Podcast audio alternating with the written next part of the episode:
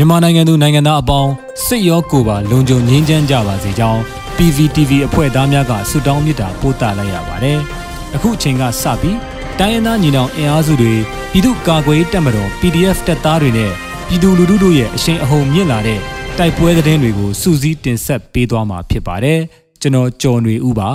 ။ချင်းပြည်နယ်မတူပီဟာခါလမ်းပေါ်မှာ CDF နဲ့တိုက်ပွဲဖြစ်ပြီးစစ်ကောင်စီမှအရာရှိတအုပ်အပါအဝင် 3ဦးသေဆုံးတဲ့တဲ့ရင်ကိုဥစွာတင်ဆက်ပေးကြပါရစေ။ချင်းပြည်နယ်မတူပီဟာခါလမ်းပေါ်မှာအင်အားအလုံးရင်းဖြင့်စစ်ကြောင်းထွက်လာတဲ့စစ်ကောင်စီတပ်ဖွဲ့နဲ့ CDF မတူပီတပ်ဖွဲ့တို့ဖနိုင်နဲ့ငလိုင်ရွာကြားမှာယမနေ့နနက်6နာရီမှာတိုက်ပွဲဖြစ်ပွားပြီးစစ်ကောင်စီဘက်ကအရာရှိတအုပ်အပါအဝင်3ဦးသေဆုံးသွားကြောင်း CDF မတူပီကသတင်းထုတ်ပြန်ပါတယ်။အထိနာတဲ့စစ်ကောင်စီတပ်ဟာနနက်9နာရီခန့်မှာပြန်လည်ဆုတ်ခွာသွားပြီးမွန်းလွယ်3နာရီခန့်မှာလည်းတိုက်ပွဲနောက်တစ်ကြိမ်ဖြစ်ပွားကြောင်းသိရှိရတာပါ။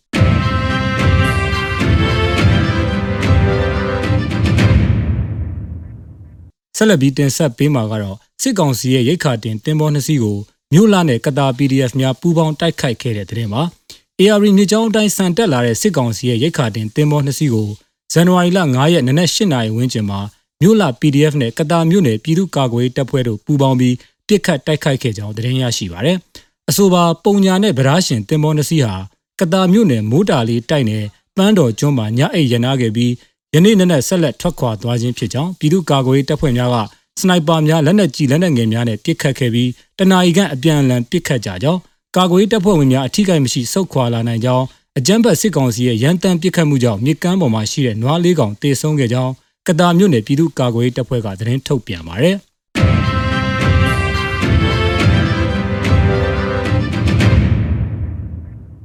ဆက်လက်ပြီးမုံရွာမြို့ပေါ်မှာကင်းလှည့်နေတဲ့စစ်ကောင်စီတပ်ကိုမိုင်းခွဲတိုက်ခိုက်မှုစစ်သား3ဦးပွဲချင်းပြီးတေဆုံးတဲ့တဲ့ရင်ကိုတင်ဆက်ပေးကြပါမယ်။စကိုင်းတိုင်းမုံရွာမြို့ပေါ်မှာကင်းလှည့်နေတဲ့စစ်ကောင်စီတပ်များကိုဒေသကာကွယ်ရေးတပ် DRP ကမိုင်းခွဲတိုက်ခိုက်ရာစစ်သား3ဦးပွဲချင်းပြီးတေဆုံးခဲ့ကြောင်းဒေသကာကွယ်ရေးတပ်ကဆိုပါတယ်။အာနာရှင်တော်လှန်ရေးပြည်သူ့တပ်မတော် DRP ရဲ့မုံရွာမြို့နယ်မြို့ပြပျောက်ကြားတပ်ဖွဲ့ကယနေ့နနက်8:50မိနစ်အချိန်မုံရွာမြို့အောင်တပြေလမ်းနဲ့အာဇာနည်လမ်းဆောင်မှာကင်းလှည့်နေတဲ့ ဖက်စစ်စစ်တပ်ကိုအဝေးထိန်မိုင်းတလုံးနနက်9:18မိနစ်မှာအဝေးထိန်မိုင်းတလုံးဖောက်ခွဲတိုက်ခိုက်ခဲ့တာပါ။အောင်တပြေလမ်းနဲ့အာဇာနည်လမ်းဆောင်မှာအဝေးထိန်မိုင်းနှလုံးကိုချထားခဲ့ရမှာဖက်စစ်စစ်တပ်ကလာရောက်ဖြုတ်ယူစဉ်ဖောက်ခွဲခဲ့ခြင်းဖြစ်ပြီးစစ်သား3ဦးနေရာမှာပဲပွဲချင်းပြီးတေဆုံးခဲ့ကြောင်းသိရှိရပါတယ်။မြေပြင်တာဝန်ခံရဲ့သတင်းပေးပို့ချက်အရစစ်တပ်ဘက်က9ဦးခန့်အထိတေဆုံးနိုင်ကြောင်းလက်ရှိအတည်ပြုထားတာမှာ3ဦးဖြစ်ကြောင်းနဲ့ကင်းအဖွဲ့အများစုထိခိုက်ဒဏ်ရာရသွားခဲ့ကြောင်း DRPA ကပြောပါတယ်။